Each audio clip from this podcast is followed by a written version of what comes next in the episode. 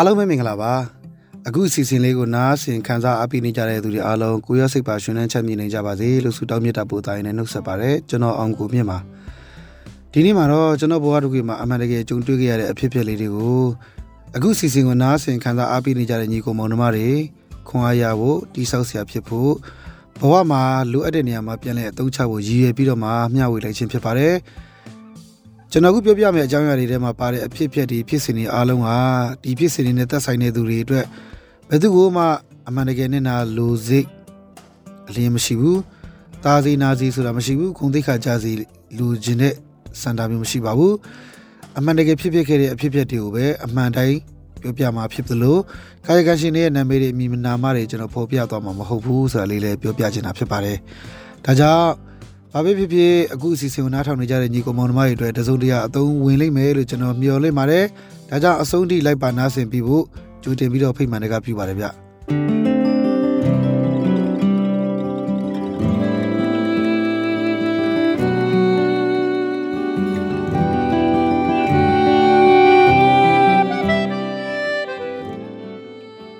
မင်္ဂလာပါရှင်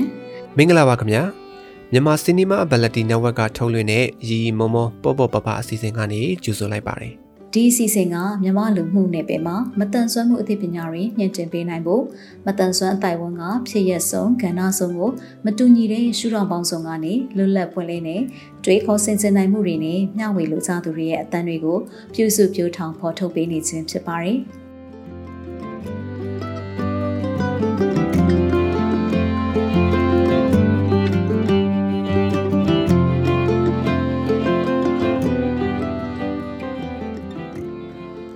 လူတိုင်းလူတိုင်းရဲ့ဘဝမှာအတွေ့အကြုံတွေအများကြီးရကြမှာဖြစ်ပါတယ်တချို့သောအတွေ့အကြုံတွေကကိုယ်အတွက်နှစ်သက်ဖွယ်ရာဖြစ်တယ်လိုလားတယ်ကြိုးဆူခြင်းတဲ့အရာတွေဖြစ်တယ်တချို့သောအရာတွေကတော့ကျွန်တော်တို့လက်မခံနိုင်ဘူးမနှစ်သက်ဘူးဒါပေမဲ့သိကြတဲ့အဲ့ဒီအတွေ့အကြုံတွေအားဖြင့်ကျွန်တော်တို့ဟာတနေ့နေ့မှာတော့ပြန်လည်ပြီးတော့မှအသုံးချလို့ရတဲ့ဘဝမှာသင်ခန်းစာတွေဖြစ်နိုင်တယ်ဘယ်သူမဆိုဘဝဖြစ်တတ်မှုအချိန်တွေကြာလာတာနဲ့အမျှအတွေ့အကြုံတွေအများကြီးရလာတာနဲ့အမျှအနာဂတ်ကိုဘဝရက်တည်ရှင်သန်ရေးအတွက်အ ကောင်းဆုံးအသုံးချနိုင်မယ်လို့တော့ကျွန်တော်ယုံကြည်ပါတယ်အခုစီစဉ်လေးကိုနားထောင်နေကြတဲ့ညီကောင်မောင်နှမတွေမှာလည်းပဲဘဝအတွေ့အကြုံတွေခံစားချက်တွေအများကြီးရှိနေလိမ့်မယ်လို့အပြည့်အဝယုံကြည်ပါတယ်ဗျပထမဆုံးပြောပြချင်တာကျွန်တော်တို့ဘဝမှာတစ်ခါတစ်ခါမျော်လင့်ထားတာတွေမဖြစ်လာတဲ့အခြေအနေတွေအများကြီးရှိတယ်တနည်းအားဖြင့်ပြောမယ်ဆိုကျွန်တော်တို့မျော်လင့်ထားတဲ့အတိုင်းဖြစ်မလာဘူးမမျော်လင့်ထားတာတွေကြီးပဲဖြစ်လာတဲ့အခြေအနေတွေအများကြီးကြုံတွေ့ရမှာဖြစ်ပါတယ်ကျွန်တော်ဘဝမှာလည်း အဲ့ဒီလိုမျောလင့်ထားတဲ့အတိုင်းမဖြစ်လာပဲမမျောလင့်တာတွေဖြစ်လာခဲ့တဲ့အတွေ့အကြုံတွေကိုတော့ဒီနေ့ဦးစားပေးပြီးတော့ပြောပြချင်ပါတယ်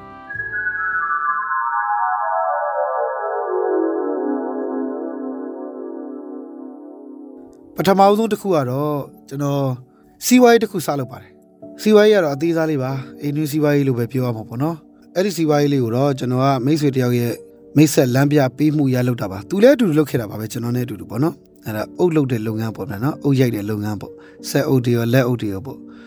ဆိုတော့သူတို့တွေကဘာသာရေးအရန်ကိုက်ဆိုင်ကြတယ်ဗျာခရိယန်နေနော်ဘာသာရေးအရန်ကိုက်ဆိုင်ကြတဲ့လူတွေဆိုတော့ယုံကြည်ရတယ်တဲ့သူတို့နဲ့အတူတူလုပ်လို့ရှိရင်ဘာပဲပြောပြောအာအမျက်မထွက်ဘူးဆိုရင်ရှုံးမှာမဟုတ်ဘူးမမှန်ကန်ကန်လုပ်မယ်အဲအလကယ်ပဲအလုပ်ကြိုးစားတယ်နော်ဘဝကိုလက်တွေ့ကြကြရင်ဆိုင်ပြီးတော့မှကြိုးစားအားထုတ်တယ် အဟိဟန်နေမပါဘဲနဲ့တကယ်ပဲယူသားကြိုးစားတဲ့မိသားစုဖြစ်တယ်သူတို့အဲ့ဒီလုပ်ငန်းလုပ်နေကြတယ်နော်အဲဒါကြောင့်သူတို့မှာအခုအရင်ငွေလိုလာတဲ့အခြေအနေဖြစ်တဲ့အတွက်ကြောင့်လုပ်ငန်းလေပတ်နိုင်ဖို့အတွက်ကျွန်တော်တို့ကငွေထည့်ရင်သူတို့မှာရှိတဲ့ပစ္စည်းတွေနဲ့သူတို့ရဲ့သူတို့ရဲ့ဤပညာတွေသူတို့ရဲ့ဝန်ထမ်းတွေနဲ့အလုပ်ပြန်လေပတ်ရင်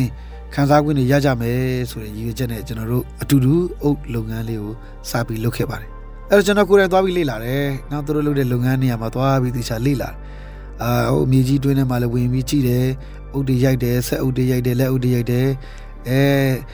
လုပ်ငန်းစပြီးတော့အစပြုတဲ့နေမှာလည်းခရိယန်ဘာသာဝင်တို့ရဲ့ထုံးတမ်းအစဉ်လာတိုင်းပေါ့ဖះရှိခိုးတာဖះဆူတောင်းတာကျမ်းစာဖတ်တာဒါမျိုးတွေကျွန်တော်စလုပ်ခဲ့ပါတယ်အဲလုပ်ခဲ့ပြီးတော့မှ15ရက်လောက်ကြာတဲ့အခါကျွန်တော်သွားကြည့်ပါတယ်အဲ့မှာလည်းလုပ်တော့လုပ်နေတော့မှာပဲနောက်တစ်လကျော်တဲ့အခါလည်းလုပ်တယ်လုပ်နေတော့မှာပဲအဲ့ဒီနောက်ပိုင်းရစပြီးကျွန်တော်တို့သတင်းအချက်လက်တွေပျောက်သွားတယ်ဝင်ငွေတွေဘယ်လောက်ရနေသလဲ အလုပ်တွေဘယ်လောက်ရနေသလဲဘယ်လောက်အမြတ်ငွေတွေရှိနေသလဲဘာမှမသိရအောင်အဲ့လိုနဲ့ကျွန်တော်တို့နဲ့တိုက်ရိုက်ဆက်သွယ်တဲ့လူအတစ်ဆင့်ဆက်သွယ်လာတဲ့ခါမှာလည်းနောက်ဆုံးအဆက်အသွယ်တွေပြတ်သွားတယ်နောက်ဆုံးသူတို့မိသားစုတွေအားလုံးခစေကလေးအားဖြစ်ပြီးတော့မှကိုယ်ကွင်းသွားတာတွေအများကြီးတွေ့လိုက်ရတယ်အဲ့တော့ကျွန်တော်တို့ယဉ်နီးခဲ့တဲ့ပတ်စံနေဆုံးသွားတယ်ပေါ့ဗျာကျွန်တော်တွေမဲလားဆိုမဟုတ်ကျွန်တော်ရဲ့အတူတူအရင်နီးထတဲ့ကျွန်တော်မိတ်ဆွေလဲသူလည်းဆုံးရှုံးသွားတာပဲနှစ်ယောက်စလုံးဆုံးရှုံးသွားတယ်ပေါ့ဗျာ အလုံးစားလုပ်ခဲ့တဲ့စဉ်ကတော့ကျွန်တော်အဲ့လိုမထင်ခဲ့ဘူးဘာပဲပြောပြောသူတို့ပြောထားတဲ့အတိုင်းပဲအမြတ်အများကြီးမရရင်တော့အရှုံးမဖြစ်ဘူးအလုပ်တွေးကြုံရမယ်အလုပ်လုပ်ဖြစ်သွားမယ်ဆိုပြီးတော့ခံစားချက်နဲ့လုပ်လိုက်တာဆုံးရှုံးသွားခဲ့တယ်နော်အော်ဘာသာရေးကြိုက်ဆိုင်တဲ့လူလဲတကယ်တကယ်တမ်းကျတော့အလုပ်လုပ်တဲ့ခါမှာလဲထင်တယ်လို့ဖြစ်မလာပါလားဒီလူနဲ့အလုပ်လုပ်လိုက်လို့ရှိရင်တော့ပြီးတော့စူးကြိုးတွေမမျော်လင့်ထားတဲ့အရာတွေ မဖြစ်လာနိုင်ခေါင်းပါရဲ့ဆိုပြီးတော့စိတ်ထဲမှာထင်ထားပေမဲ့ထင်ထားတာနဲ့တကယ်လက်တွေ့အခြေအနေနဲ့ကတခြားစီဖြစ်ခဲ့တယ်။အေးလေဘာပဲဖြစ်ဖြစ်ကျွန်တော်အနေနဲ့ကတော့စားဝတ်နေရေးအတွက်ဘာပဲပြောအတွေ့အကြုံတွေရအောင်အလုပ်တွေလုပ်ရအောင်ပါပဲလေ။ဆက်ပြီးတော့စူးစမ်းနေရအောင်ပါပဲလေဆိုတဲ့အသိစိတ်နဲ့ပဲဆုံးရှုံးသွားတဲ့ငွေကြီးတွေအားလုံးကိုမေးပလိုက်ပါတယ်။ဒါပေမဲ့ဒါပထမဆုံးကိုယ်တိုင်စလုပ်တဲ့စီဝါကြီးတရက်အနေနဲ့တော့သင်ခန်းစာယူထားခဲ့မိပါတယ်။အဲ့ဒါပထမဆုံးရရှိခဲ့တဲ့ မမျော်လင့်ထားခဲ့တဲ့အတွေ့အကြုံနဲ့မလိုချင်တဲ့မနစ်သက်တဲ့အတွေ့အကြုံကိုကျွန်တော်ရရှိခံစားခဲ့ရတဲ့အဖြစ်အပျက်လေးပထမပိုင်းလေးဖြစ်ပါတယ်ဗျ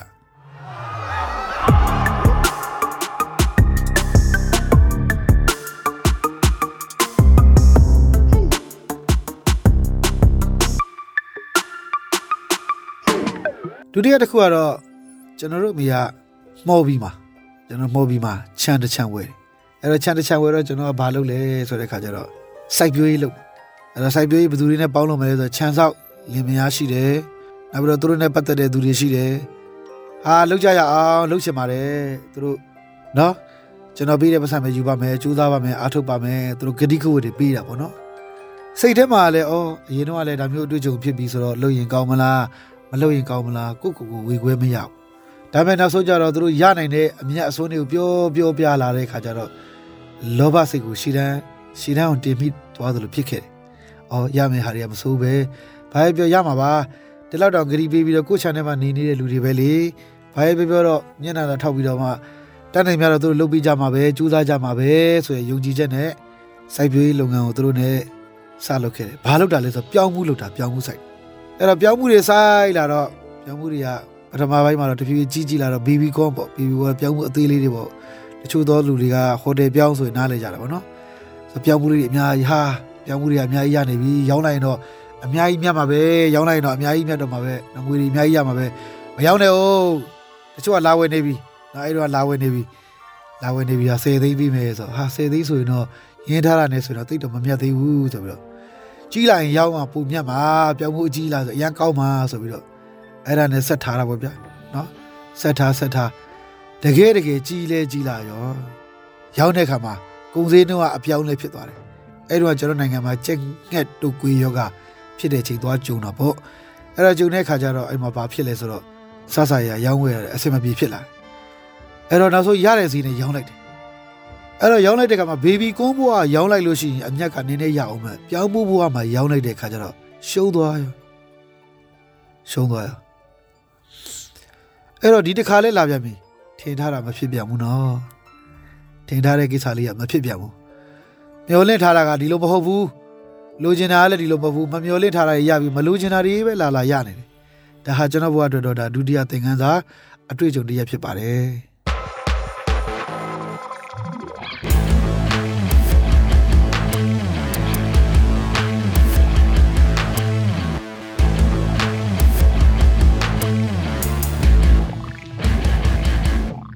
နောက်ဆုံးအနေနဲ့တတိယ သင်ခန်းစာလေးတစ်ခုပြောပြမယ်ဒါလေးကတော့စီးပွားရေးအတွေ့အကြုံမဟုတ်တော့ဘူးဒါလူမှုရေးလို့ပြောရမှာဖြစ်ပါတယ်လူတွေချင်းချင်းပေါင်းသင်းဆက်ဆံရေးလို့ပြောရမှာဖြစ်ပါတယ်ဒီလိုဖြစ်ဖြစ်မျိုးလေးကိုကျွန်တော်ကြားဘူးတယ်ဗျငယ်ငယ်တော့ဒါပေမဲ့ကျွန်တော်နားမလည်ခဲ့ဘူးခံစားပေးလို့မရဘူးကြားတော့ကြားဘူးတယ်ခံစားပေးလို့မရခဲ့ဘူးအဲ့ဒါဘာလဲဆိုတော့ကျွန်တော်အဖေကအလုတ်ကထွက်ပြီးတော့မှစင်ကာပူနိုင်ငံကိုသွားပြီးတော့အလုပ်လုပ်ဖို့မိသားစုတွေကိုဆုံးဖြတ်တယ် အဲ့ဒါကျွန်တော်မှတ်မှတ်ရ1982 83ခုနှစ်လောက်ကဖြစ်မှာပေါ့လေအဖေကအဲ့ဒီရုံးမှာအလုပ်လုပ်နေတဲ့အချိန်အရာရှိဘွားနဲ့အလုပ်တွေလုပ်နေတဲ့အချိန်မှာကျွန်တော်တို့အိမ်ပြီးနာသူတွေကအဖေကိုယုံသွားယုံပြန်နှုတ်ဆက်ရတာနဲ့အဝေးရပြုတ်ပြတာနဲ့စားဖို့တောက်ဖို့လာပေးရတာနဲ့အဲလိုအပ်တဲ့အကူအညီတွေလာတောင်းရတာနဲ့အမြဲတမ်းသွားလျာလာလျာမှာအဲ့ဒါပြောရမယ်ဆိုလို့ရှိရင်အဖေအဖေစီကိုလာလာပြီးတော့မှနော်အပူကတ်တဲ့သူတွေနဲ့ မိတ်ဆွေသင်္ကားလာဖွဲ့တဲ့သူတွေနဲ့ logo ချော်တဲ့လူတွေပေါ့ဗျာဘလို့အပဲလောကဝယ်လုပ်တဲ့သူတွေပေါ့ဒါပေမဲ့အလုတ်ကထွက်မယ်စင်ကာပူသွားဖို့ဒါပေမဲ့သူတို့ကစင်ကာပူသွားဖို့ဆိုတာမသိပါဘူးအလုတ်ကထွက်တယ်ဆိုတာမသိတဲ့အခါကျတော့အလုတ်ကထွက်ပြီးနောက်ပိုင်းမှာအရင်တော့ကပြုံးပြနေတဲ့သူတွေအဝေးကမြင်ပြုံးပြတဲ့သူတွေအိမ်ကိုလာပြီးတော့စကားရောဖွဲ့ရောလာပြောတဲ့သူတွေကတွေးနေတာတော့မှမမြင်ကြောင်ဆောက်သွားတယ်ဆိုတဲ့အတွေ့အကြုံတွေအဖေကခံစားတော့အမေကိုပြန်ပြောပြတယ်အဲ့ဒါကျွန်တော်တို့ကြားနေရတယ်ကျွန်တော်ကြားနေရတယ် ဒါပေမဲ့ကျွန်တော်နားမလည်ဘူးအဖေခံစားရတဲ့ခံစားချက်ကိုကျွန်တော်မသိဘူးသဘောမပေါက်ဘူးတကယ်ချဘူးတယ်နော်ဒါပေမဲ့အဲ့ဒီလိုခံစားချက်မျိုးကိုကျွန်တော်ကိုယ်တိုင်ခံစားလိုက်ရတဲ့ခါကျတော့တော်တော်ခံရခက်ပါလားဆိုတာအတွေ့အကြုံလေးတစ်ခုပြောပြချင်တာပါလို့တနေ့ကျွန်တော်အလုပ်ကိစ္စနဲ့ခရီးသွားပါတယ်ခရီးသွားတဲ့အခါမှာအမျော်လင့်မဲနဲ့လုတ်ဖို့ဆောင်ဘက်အဟောက်ပါဗျာနော်ညီလေးလို့ခင်ရတယ်ကိုယ့်ရဲ့သားလေးလို့ခင်ရတယ်ဘဝတို့တရက်ကိုသွားပြီးတော့အမှတ်တမဲ့စုံတွေ့သွားတယ်စုံတွေ့တော့ကျွန်တော်ကစကားပြောချင်တဲ့အခါ ကျွန်တော်တို့ကဘဝတူတဲ့သူတွေကအဝေးကပြုတ်ပြလို့မှမမြင်တာအဲ့တော့အတန်ကြာအောင်သွားပြီးတော့မှသွားပြီးတော့မှခေါ်ပြီးတော့နှုတ်ဆက်ဒါပေမဲ့အဲ့ဒီကျွန်တော်နှုတ်ဆက်လိုက်တဲ့နှုတ်ဆက်ချခံရတဲ့တယောက်ကပထမပိုင်းမှာတော့အတန်တစ်ချက်ပြန်ပြီးနောက်ပိုင်းမှာမကြားကြအောင်ဆောင်မကြားကြအောင်ဆောင်ပြီးနောက်ဆုံးကျတော့တစ်ခါတစ်ခါကျွန်တော်ခေါ်တာကိုမထူးတော့တဲ့အပြင်မှာချက်ချင်းအဲ့ဒီနေရာနေပြီးတော့မှတခြားလူတယောက်နဲ့ထွက်သွားတာကိုစိတ်မကောင်းစွာနဲ့တွေ့လိုက်ရတယ်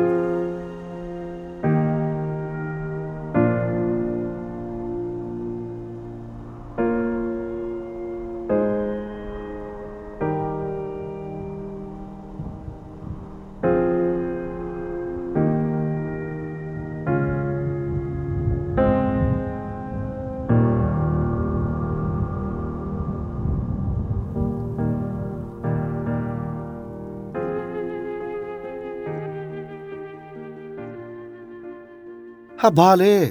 ဘလို့ဖြစ်တာလဲငါကခင်မင်းရင်းနှီးတဲ့သဘောနဲ့သူ့ရဲ့အလုပ်ကိုတန်ဖိုးထားတဲ့သဘောနဲ့သွားပြီးတော့တွေ့ဆုံမှာနှုတ်ဆက်တာဂုံပြူစကားလေးပြောချင်တာဝမ်းမြောက်စကားလေးပြောချင်လို့သူ့စီသွားတာ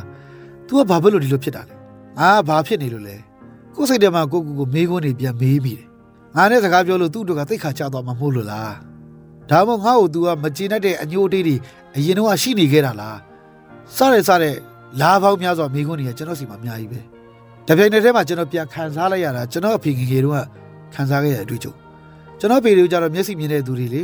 သူတို့ကမျက်လုံးချင်းကြည့်ပြီးတော့ပြောလို့ရတယ်ကျွန်တော်တို့ကမျက်လုံးချင်းမှမရတယ်ကျွန်တော်တို့အတန်နဲ့ပဲလေအဲ့တော့ကိုယ်တိုင်သွားခေါ်လိုက်တဲ့ခါမှာပထမအတန်ပြုတ်ပြီးကြားပြီးဒုတိယမကြားကြအောင်ဆောင်ပြီးထွက်သွားတယ်ဆိုတာစကားမပြောချင်တဲ့သဘောအဲ့ဒီသဘောအနောက်မှာဘာတွေပါနေရလဲတွေးစရာတွေစဉ်းစားစရာတွေအများကြီးဖြစ်သွားတယ်ကျွန်တော်စိတ်ထဲမှာတော့သွားပြီးနှုတ်ဆက်လိုက်ရင်တော့အော်စကားရောက်ဖွဲ့ရနေပြောပြီးတော့မှတူတူဟလာ ဘဝလူချင်းပြန်ဆုံတွေ့ရတဲ့အတွက်ကြောင့်သူလည်းပျော်မှာပဲကိုလည်းပျော်တယ်ကိုယူတယ်ဆိုတဲ့ခံစားချက်နဲ့သွားနှုတ်ဆက်လိုက်တာဒါပေမဲ့ကျွန်တော်မမျော်လင့်ထားတဲ့အတွေ့အကြုံမျိုးမမျော်လင့်ထားတဲ့တုံ့ပြန်မှုမျိုးသူစီကရလိုက်တဲ့အခါအဲ့ညတညလုံးတော်တော်စဉ်းစားယူရတယ်ကျွန်တော်အခုပြောပြနေတဲ့အကြောင်းအရာကိုနားထောင်နေတဲ့ညီကိုမောင်နှမတွေညီကိုမောင်နှမတွေရဲ့ဘဝမှာအဲ့လိုမျိုးအတွေ့အကြုံတွေတွေ့ကြုံမှုကြပါသလားအဲ့ဒါဆိုရင်ဘယ်လိုခံစားကြရလဲဒါမှမဟုတ်နောက်နောက်ပိုင်းမှာတွေ့ကြုံလာမယ်ဆိုရင်ရောအခုကျွန်တော်ပြောပြလိုက်လို့ကြားသွားပြီကျွန်တော်ငယ်ငယ်တုန်းကကျွန်တော်အဖေစီကကြားလိုက်တဲ့အ တွေ့အမျိုးကြားရတာမျိုးအဲ့ချိန်မှာခံစားလို့ရကြမှာရမယ်တကယ်ကိုယ်တိုင်ကြုံတွေ့လာတဲ့ခါကျရင်ခံစားရလိမ့်မယ်အဲ့ခံစားချက်ကကြားနေရတယ်မတူဘူးပေါ့နော်ဒါကြောင့်ရှေ့လူကြီးတွေပြောပြတဲ့စကားလေးတစ်ခုရှိတယ်စာတွေးနဲ့ငါတွေးဆိုပြီးတော့လေတကယ်ကိုယ်တိုင်တွေးကြုံလိုက်ရတဲ့အတွေ့အကြုံဟာတန်ဖိုးရှိပါတယ်ဒါကြောင့်ဒီစီစီလေးနောက်ထောက်ပြီးတော့မှကျွန်တော်ဒီနေ့ဝေမျှခဲ့တဲ့မမျော်လင့်ထားတဲ့အကြောင်းအရာ၃ခုဟာကျွန်တော်ဘဝမှာအမှန်တကယ်ကြုံတွေ့ခဲ့ရတဲ့အတွေ့အကြုံတွေကကောက်ထုတ်ပြီးတင်ပြခဲ့ခြင်းဖြစ်ပါတယ်နောက်ပိုင်းမှာလည်း အခါအခွင့်သိရင်ဆက်လက်ပြီးတော့မှဝေမျှသွားပေးပါဦးမယ်ကျေးဇူးအများကြီးတင်ပါတယ်ဗျ